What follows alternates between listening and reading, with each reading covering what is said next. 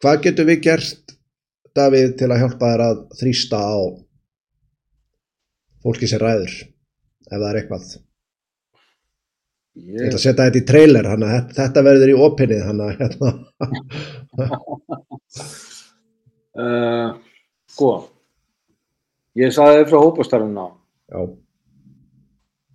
Hvort heldur það sé líklega til árangus að sitja með ungum afbrótamanni við skrippbord og segja lífið er hættulegt þarna úti og, og, og það og koma þeirri tilfinningu til viðkomandi að, að, að standa í að vera í afbrótum sé vond tilfinning eða að fara með hann út á sjó sitta hann í gúmibát í flótgala í smá öldugangi skilja hann eftir í öldunum í smá stund fara upp burstu með bátinn, lefa hann að veltast um einn, ósjábjarga, get ekki gert neitt, koma svo með bátinn, draga hann um borð eins og ég gerði í hópastarinu á sínum tíma og þá að ræða við hann, þetta er veruleikin sem getur byggðið þín í afbróta heiminum.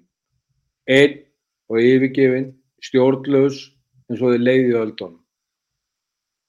Þetta er svona, þú veist, förum að nota svona aðferð eins og learning by doing.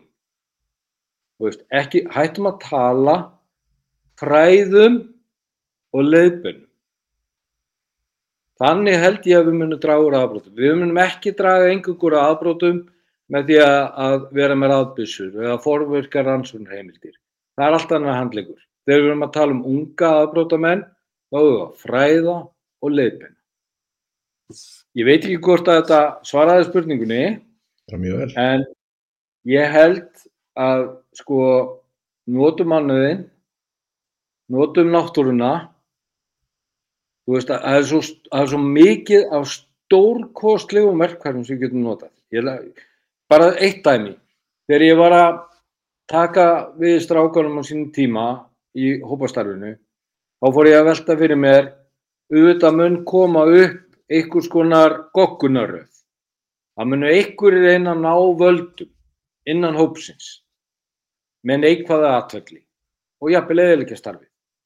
Þá voru ég að hugsa, hvernig get ég komið vekk fyrir það og að þeir fái þá hugmynd að það er allir fyrir einn, eitt fyrir alla.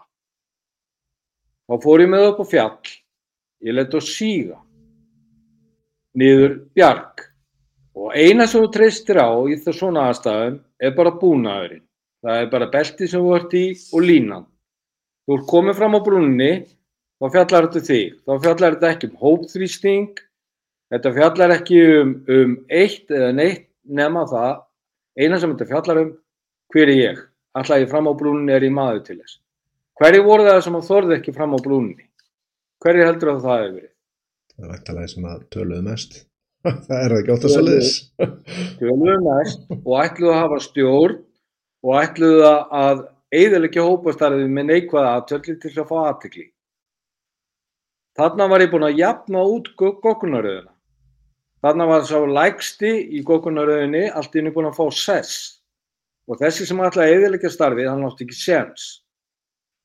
Þannig að hann var líka, hann, þeir myndu það allan tíman að hann þorði ekki nefnir bjargi sko.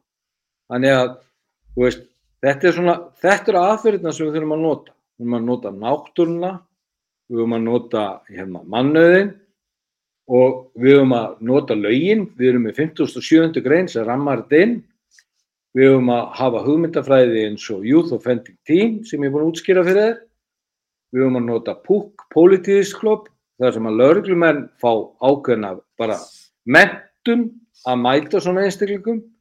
Við höfum að styrkja úrræði eins og fjölsmiðuna, við höfum vonandi að opna mótorsmiður, við höfum að hafa þannig e, úrvinnslu fyrir sérstaklega drengi sem að geta ekki lesið sér til gags og eigi í erfileikum með nám, að þeir geta hýft upp sjálfsmyndina með verklegum þáttum, hvort heldur með list eða, eða eins og við segi e, að vinna með höndunum eða íþróttum Við höfum bara nálgast þetta viðfónsefni víþægt, ekki út frá því hvort þú hafi stútushúu á höfðinu og mhm. loknum grunnskólanámi og, og þryggjóra, þryggjóra námi í, í, í mentaskóla og þú, og þú ert metin að verðleikum hvort þú ert með háskóla gráðu eða ekki.